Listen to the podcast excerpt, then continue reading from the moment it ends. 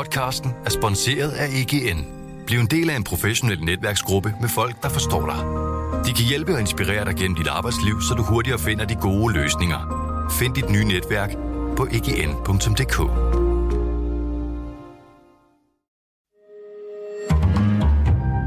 Berlingske. I den her uge kom den længe ventede trepartsaftale. Hvad siger den aftale om den danske model? Alt. Min gæst i dag er Ove K. Pedersen. Jeg er professor emeritus, det betyder, at jeg er pensioneret. Det har jeg været de sidste 4-5 år. Du kender ham måske for hans bog Konkurrencestaten, som blev gjort berømt af Bjarne Korydon og skabte stor debat. Ja, det er jo et, et videnskabeligt udtryk for noget, der sker med vores samfund øh, i en tid, hvor vi konkurrerer med stadig flere lande og stadig hårdere om job og vækst. Nu har han så skrevet en bog, som godt kunne gå hen og kickstarte debatten igen. For bogen udfordrer en af grundpillerne i vores samfund, den danske model. Altså, at vores løn og arbejdsvilkår er noget, som arbejdsmarkedets parter varetager og aftaler, ikke politikerne. Men den danske model er en myte, skriver Ove K. Pedersen. Det er påstanden om, at de to hovedorganisationer og underorganisationer er selvstændige kontraktparter, og de er selvstændige i forhold til det politiske system herunder regeringen. Men hvis det er rigtigt, bliver vi så holdt for nar? Bør vi holde op med at tro på myten? Det spørger jeg ham om i dag. Velkommen i Pilestræde.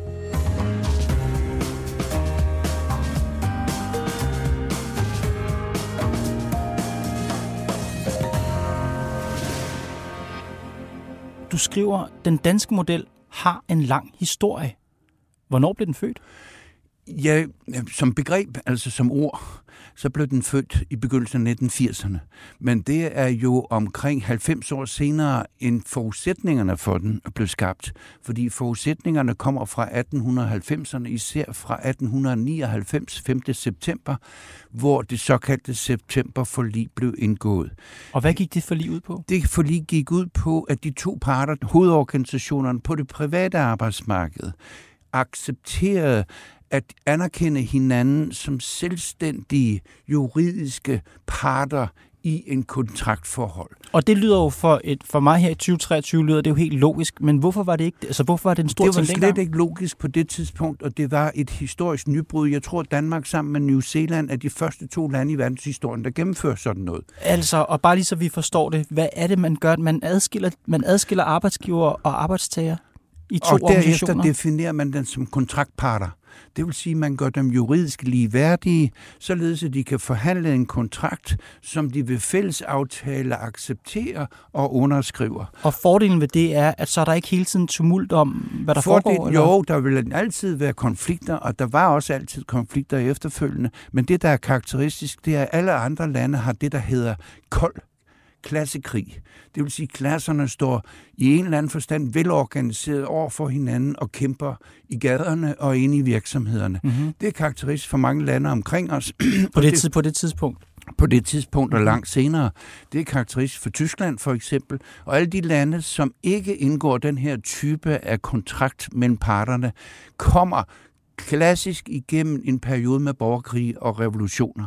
Og det er derfor, at den danske model ind i 19, efter 2. verdenskrig bliver så verdensberømt, fordi den viser jo, at der her har været en mulighed for at undgå den klassekamp, som mange andre lande er røget ind i efter 1890'erne, og som har betydet, at deres politiske systemer, deres demokratiske udvikling er gået i stå, eller er blevet bremset. Så er vi i virkeligheden, hvad skal man sige, taler os frem til løsninger i stedet for at slås om dem. Præcis. Og det er jo det, der er karakteristisk, fordi her går vi så fra en klassekamp til en interessevaretagelse. Mm-hmm. Ligesom når du og jeg, vi skal købe eller sælge et hus, så accepterer vi hinanden som ligeværdige, juridisk set ligeværdige kontraktparter. Mm-hmm. Derefter underskriver vi den, og så forhåbentlig kommer der ikke nogen konflikt efterfølgende. Mm-hmm. Så indgår der også i september forlidet, at den daværende rigsdag, den daværende regering i, i maj 1900 havde accepteret septemberforlidet, men samtidig understreget, at det er jo regeringen eller rigsdagen, der beslutter, hvad der skal ske på arbejdsmarkedet arbejdsmarked. Vi lever jo i et demokrati, også i 1890'erne, baseret på 1849-grundloven, hvilket betyder, at lovgivningen har ene kompetence. Derfor skal septemberforledet accepteres af rigsdagen og af regeringen. Derunder skal regeringen acceptere, at de to parter, som ligeværdige retliggjort parter, ja. har lov til selvstændige ja. i forhold til politiske indgreb at aftale deres relationer. Så når arbejdsgiver og arbejdstager sidder og forhandler løn og arbejdsvilkår, så gør de det selvstændigt, men de gør det sådan set kun, fordi de har fået lov de er blevet delegeret denne myndighed eller denne kompetence af regering eller af rigsdag på det tidspunkt. Og denne selvstændighed er mhm. opretholdt, mm-hmm. men den er stadigvæk delegeret.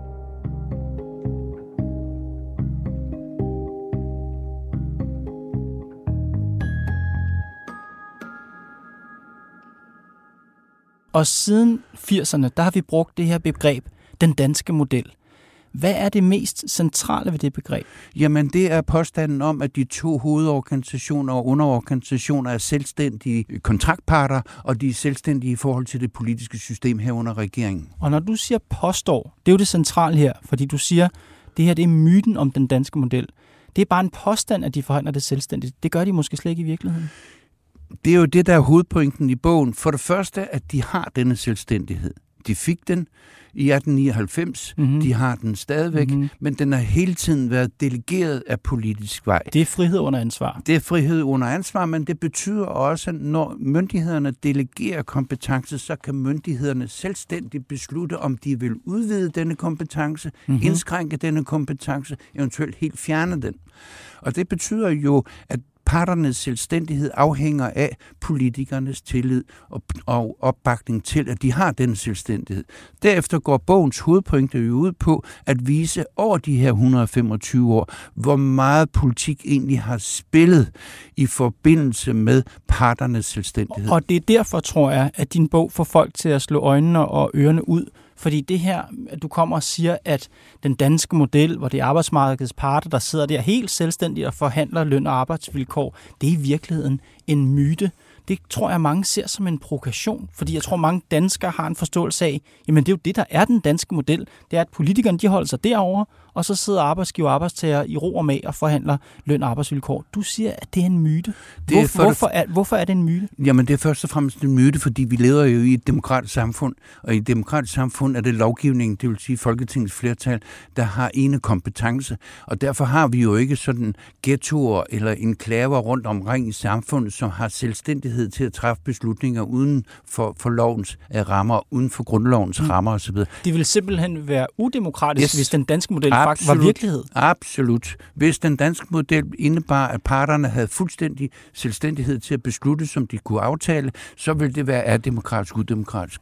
Så det, modellen der bliver præsenteret som, ja. det er jo et forsøg på at understrege parternes selvstændighed i forhold til det politiske, som de ikke har haft. Og du siger jo også i bogen, vi skal jo huske, at der har været masser af politiske indgreb. 23, øh, øh, tror jeg, du siger igennem ja. historien. Ja, det er tvungne voldgifter. Tre, det er ikke det samme som indgreb. Tvungne voldgifter, det er der, hvor regeringen går ind og slutter en konflikt. Ja, og så har der måske været endnu flere politiske indgreb. Masser. Masser. Så hvorfor, så hvorfor, det synes jeg er spændende, hvorfor har fagbevægelsen og arbejdsgiverne der i 80'erne brug for at få folk til at tro, at de er så selvstændige, når de forhandler? Der er flere grunde, men først og fremmest for at opnå en, øh, en for at varetage deres egne interesser. Mm. Men først derefter for også at signalere, at de har været igennem en lang periode med politisk dominans, især gennem øh, 1970'erne under Anker Jørgensen-regeringen. Yeah.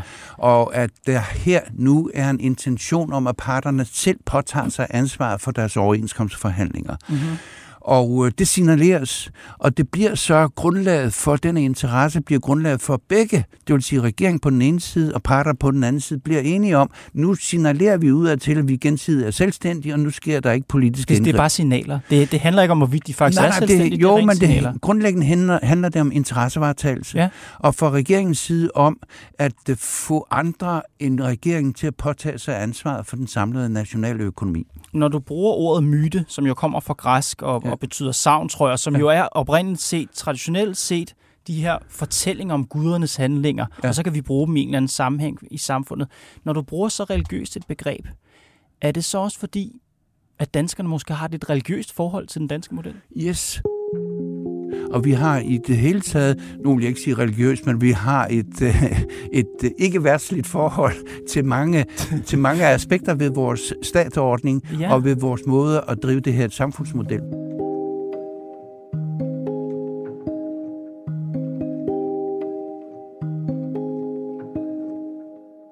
Og det fører jo frem til denne uges nyhed. Trepartsaftalen for den offentlige sektor, som finansminister Nikolaj Vammen fremlagde mandag. Socialdemokratiet gik øh, til valg på at give et lønløft, og i dag øh, så leverer vi i fællesskab her øh, på det løfte, som også er en del af regeringsgrundlaget.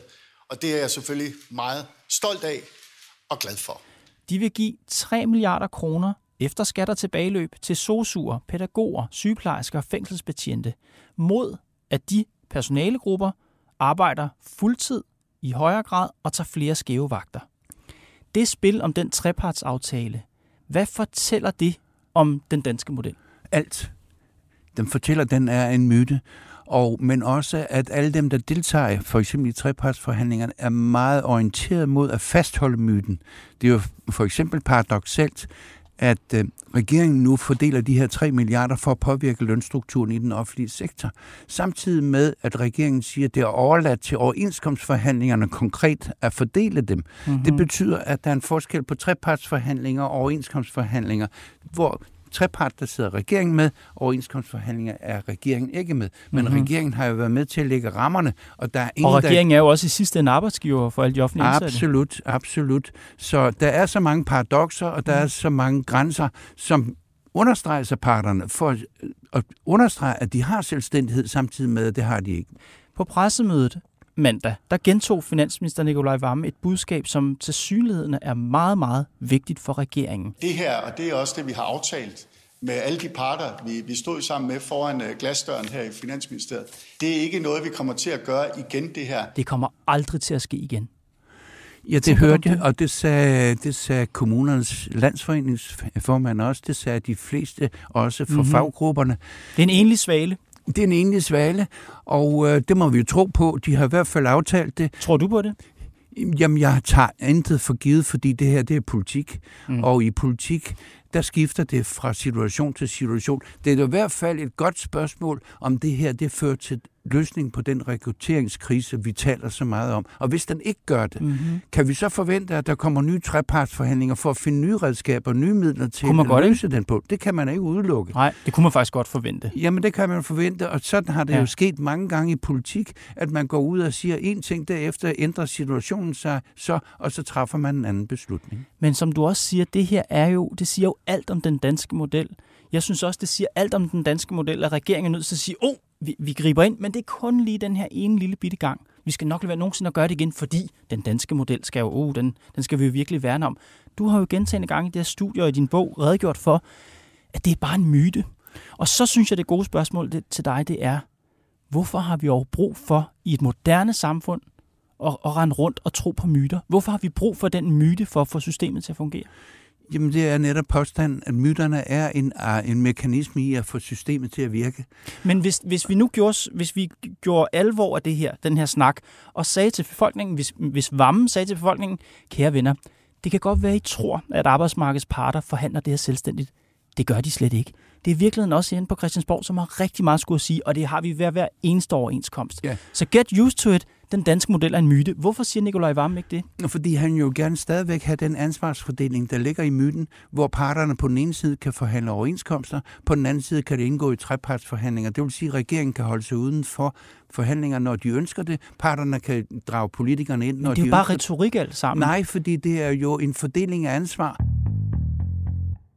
Men det kan skifte fra det ene øjeblik til det det andet. kan det, og det kan... Det lyder ikke specielt ansvarsfordelt. Det lyder lidt som, sådan strategisk, jo, fordi... det lyder som, strate... som et strategisk spil. Jamen, det er et strategisk spil.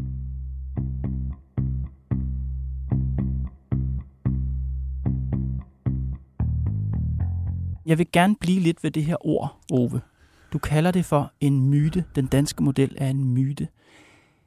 Er det bare en pæn og akademisk måde at sige, det er en løgn? Nej, det er det absolut ikke, fordi myter har en meget aktiv rolle i at skabe netop et politisk system, som fungerer på grænsen mellem planøkonomi og markedsøkonomi. Jeg forstår Den, godt rollen, ja. men det jeg er nysgerrig på, det er, hvad Det er jo alligevel noget, der hele tiden bliver omtalt, og hvis man går ud og spørger på gaden, Ja. en tilfældig gymnasieelev, eller en tilfældig øh, arbejdsmand, eller en tilfældig tillidsmand, eller en tilfældig politiker, og spørger dem, hvad er den danske model, så vil jeg love dig, at de formentlig ser noget retning af, jamen det er den særlige danske tradition, at det her til lands er arbejdsmarkedets parter, der aftaler løn og arbejdsvilkår, ikke politikerne. Lider danskerne af falsk bevidsthed? Nej, de, de lider af det forhold, at der er de færreste, der har tid og opmærksomhed omkring, hvordan politik reelt fungerer. Derfor er de overladt til de begreber, de metaforer og den offentlige diskussion, som også politikere og parterne deltager i.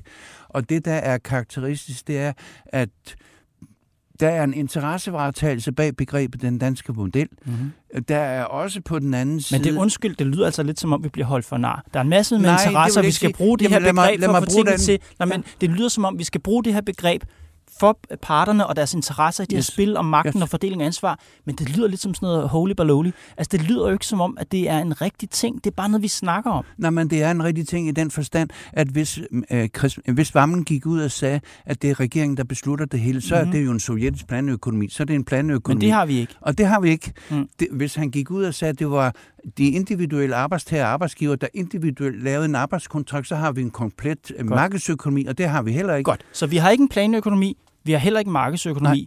Så har vi vel en særlig dansk model. Vi har en blandingsøkonomi. Vi har og en det er, af og de det er to. vel en særlig dansk model. Nej, der er flere andre lande, der har den, men, Okay. men øh, blandingsøkonomier er udbredt i Vesteuropa. Men vi har, en, vi har, Har en så den her økonomi. blandingsøkonomi, som Yes. man kunne kalde, hvis ikke den danske model, så den europæiske eller den skandinaviske model. Ja. Okay, men så findes den vel også, så den vel ikke en myte? Jo, jo, men en myter har jo den her karakter af både at være sande og at være usande. Og i den her forstand er myten jo en vigtig mekanisme for at opretholde blandingsøkonomien. Fordi hvis vi siger, at det var regeringen, der besluttede det hele, så går vi i den sovjetiske retning. Hvis vi siger, at det er den individuelle arbejdstager, der beslutter det hele, så går vi i den amerikanske retning. Ja. Men det gør vi ikke. Vi har kollektive organisationer, vi har kollektive overenskomster, vi har en meget stor øh, og effektiv velfærdsstat i øvrigt, hvilket betyder, at vi placerer os lige midt mellem de to øh, ekstremer. Og der er det myten en ganske vigtig en, fordi man kan give regeringen mere magt, Mhm. mm-hmm. man kan give parterne mere magt, men hvordan får man dem til at blande i den kombination, som fremmer den samlede økonomis konkurrenceevne. Det er den store, store opgave, og her er myten en ganske aktiv og vigtig øh, deltager. Når vi skal sikre samfundet, så er det vigtigt, at vi tror, at vi tror ikke, at vi ved, men at vi tror, at det er arbejdsmarkedets parter, der forhandler ja. Det selvstændigt. Ja. Tror du selv på det? Ja. Du I tror vis- på, at det er arbejdsmarkedets parter? Jamen det gør de da. Okay. Også fordi de gør det. Okay. De gør det jo, men de gør det hele tiden i et meget øh, Men hvis de gør det, spil. så er det vel ikke en myte, så er det vel reelt? Jamen, det er både og. Det Åh, jeg det er svært at både forstå, sandt- ikke? Jo, men det er det. Det er både har- ingenting og alting på samme tid. Lad os tage et andet eksempel. Vi taler om kommunernes selvstyre. Ja. Kommunerne er lagt under et ganske kraftigt centralt styre, for eksempel omkring deres økonomi, anlæg, ansættelsesstop, anlægsstop, skattestop, you Mhm. mm-hmm. name it. Der er masser af politiske rammer omkring kommunernes såkaldte selvstyre. Derudover står det i paragraf 82 i grundloven, at kommunerne er underlagt lov. Ja. Det, men derfor undgår vi jo ikke, at der er masser af kommunalbestyrelser, masser af borgmestre, der konsekvent klager over, at deres selvstyre er begrænset af Christiansborg. Ja. Og det er jo et forsøg for borgmesteren at sige, at det er ikke mit ansvar. Nej, nej. De har pålagt mig at, at sammenlægge fire skoler, og nu gør jeg det, men jeg gør det med tårer i øjnene, og jeg er ked af at skulle gøre det, men det er deres ansvar. Det er jo en måde at drive politik på.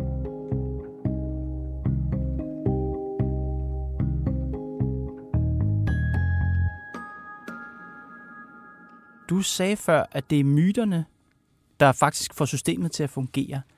Er det alle parter, der har gavn af at tro på myten? Og de Okay. ved det. Og de anvender den jo. Jo, jo. Ja. Ja. Og det er jo der, der er forskel på den gymnasieelev, du møder nede på Købmagergade og spørger om, Ja. ja. og så de, der sidder og deltager i spillet. Ja. De, der deltager i spillet, ved godt, hvordan de deltager i spillet, Mhm. mm-hmm. og hvordan de skal varetage deres mm-hmm. egne interesser i det. Mm. De ved også, hvor vigtigt det er, at gymnasieeleven tror på den danske model. Jeg synes, det lyder lidt som om, der er nogen, der bliver holdt lidt for nar i det her spil, men det kan godt være, det er bare mig. Nej, men det er det. Du kan også du kan tage masser af spørgsmål. Har vi et fuldendt demokrati? Nej, har- alle de her, dem, lad os Ja. lige lad os Ja, droppe det- alle de spørgsmål jo, det- og holde os på det her bane. Yes, men Jeg er er- bare nysgerrig på, jeg, jeg ved godt, at du siger, at der er mange eksempler på det Ja. samfund, og det kunne vi jo tale, vi kunne lave øh, Alt 20 muligt. udsendelser Yes, om det. ja. I dag taler vi bare om det her med den danske model, som er en Ja. myte. Og som du siger, nu nu anerkender du også selv, hvis jeg spørger en tilfældig gymnasieelev om Ja. det, så vil de svare mig, at arbejdsmarkedets parter forhandler løn og arbejdsvilkår. Det Ja. gør reger- blander regeringen sig ikke i. Ja. Og det er en myte, og det er godt, at de tror på den, men det lyder også en lille smule nedladende på en eller anden måde. Jamen, det, det er fordi, du har et alt for firkantet forhold til begrebet myte. Giv mig et rundere forhold til begrebet myte. Jamen, det er, at myte er et, øh, en aktiv mekanisme i at holde noget sammen, der er, der er modsætningsfyldt. Men alligevel ved du godt, når du skriver den her bog, når du har den overskrift, yes. At så provokerer det mange. Det vil helt naturligt provokere mange, ja. Når du siger, prøv at høre venner, den danske model er en myte. Ja. Det parterne forhandler slet ikke selvstændigt. Forget. Ja. about it. Jeg, kan, jeg, jeg er helt sikker på, at det er en provokation for mange. Jeg skriver det også. Mm-hmm. Men jeg er også helt sikker på, hvad der har været ambitionen bag min bog. Min ambition har været at oplyse generelt om, hvad der egentlig foregår i de, og hvad der er, har ændret sig over tid omkring den danske model, og hvilken rolle begrebet som myte i dag spiller aktivt i forhandlingerne og i tilrettelæggelsen af den danske samfundsøkonomi. Ja. Så jeg har det her spil mellem, jamen det kan godt være, at jeg provokerer, det kan godt være, at jeg punkterer nogle forestillinger, men jeg håber også, at igennem det, jeg har gjort, oplyser om, hvad der i en eller anden forstand har udviklet sig over en meget lang tid og reelt foregår dags dato. Du siger, at systemet nu står ved endnu en skillevej. Vi, vi er i en transformation. Hvad er der ved at ske? Jo, men det, er- den her trepartsforhandling, som blev afsluttet i går, i hvert fald præsenteret i går, det er jo et nyt skridt i den her samvævning af politik og faglighed. Vi har grund til at være rigtig, rigtig glade i dag, og jeg håber, at vi med det her også sender et meget, meget, meget stærkt politisk signal. Og det er jo en af de allerførste gange, at regeringer eller flertal i Folketinget direkte går ind og påvirker lønstrukturen. Vi ved, hvor vigtige I er, alle jer, der arbejder i vores velfærdssamfund. Vi vil gerne give mange af jer øh, noget, noget mere i lønningsposen, fordi vi har så stærkt brug for jer, for at vi kan have et ordentligt velfærdssamfund. Den lønstruktur, de påvirker, er jo også besluttet politisk helt tilbage ved tjenestemandsreformen i 1969. Mm-hmm. Og det betyder, at det, der oprindeligt var politisk besluttet, bliver nu ændret ved politisk beslutning. Ja, Fordi ja. vi taler om den offentlige arbejdsmarked, og det offentlige arbejdsmarked er besluttet af politikere, det vil sige Folketingets flertal, konstant siden Oh. 60'erne. Så det er en slags kommentar til det i 60'erne, men hvad er skillevejen? Hvad er det for en transformation? Skillevejen er den, at nu går øh, regeringen ind og påvirker den lønstruktur, som blev aftalt, som blev øh, lovgivet øh, ved tjenestemandsreformen i ni- 1969. Og det betyder, at der nu her er kommet et meget, meget finere spil, meget mere hårfint spil mm. mellem aftale, mm. trepartsaftale og overenskomstforhandlinger. Således, at parterne helt åbenlyst, også ved pressemødet i går, må understrege deres selvstændighed og må understrege, at det her det er en engangsforetægelse, mm. fordi de begge to er interesseret i, at vi alle sammen accepterer, at der er en dansk model. Hvis der kommer flere lignende store politiske indgreb, bliver det så sværere at holde liv i den myte, der er så vigtig? Det kan man ikke udelukke. Og regeringen i regeringsgrundlaget for december 2022 havde jo et forslag om et permanent trepartsorgan, hvor parterne skulle sidde ind og følge op på og også forberede den lovgivning, der både havde med velfærd og arbejdsmarkedsforhold at, at, at gøre. Og hvis der kommer sådan et permanent trepartsorgan, så drages parterne jo ind i det politiske maskinrum, mm. ind omkring regeringen, ind omkring ministerne, og skal konsekvent og permanent være med til at forhandle de indgreb, der har relevans for øh, for, for arbejdsmarkedet. Og det vil være et nybrud, det vil være en transformation. Nu har jeg ikke kunnet identificere, om der inden de her trepartsforhandlinger er en diskussion om, en aftale om, mm. at oprette sådan et mm. permanent organ. Man kan sige, da det blev meldt ud ved et regeringsgrundlag, der var alle interesseret. Ingen afviste i hvert fald. Mm. Og det betyder jo, at der er ingen ej heller arbejdsmarkedets parter, der vil være interesseret i at skrive sig ud af en indflydelse, de bliver tilbudt. Ove Kai Petersen, tak fordi du kom i Pilstred. Tak for invitationen. Det var Pilestræde for i dag. Jeg tror faktisk ikke, jeg fik sagt bogens titel. Den hedder Myten om den danske model, og den udkommer i dag. Pilestræde er lavet af Mads Klint, Johanne Dibjerg Holgersson og mig, Kåre Svejstrup. Vi er tilbage i morgen.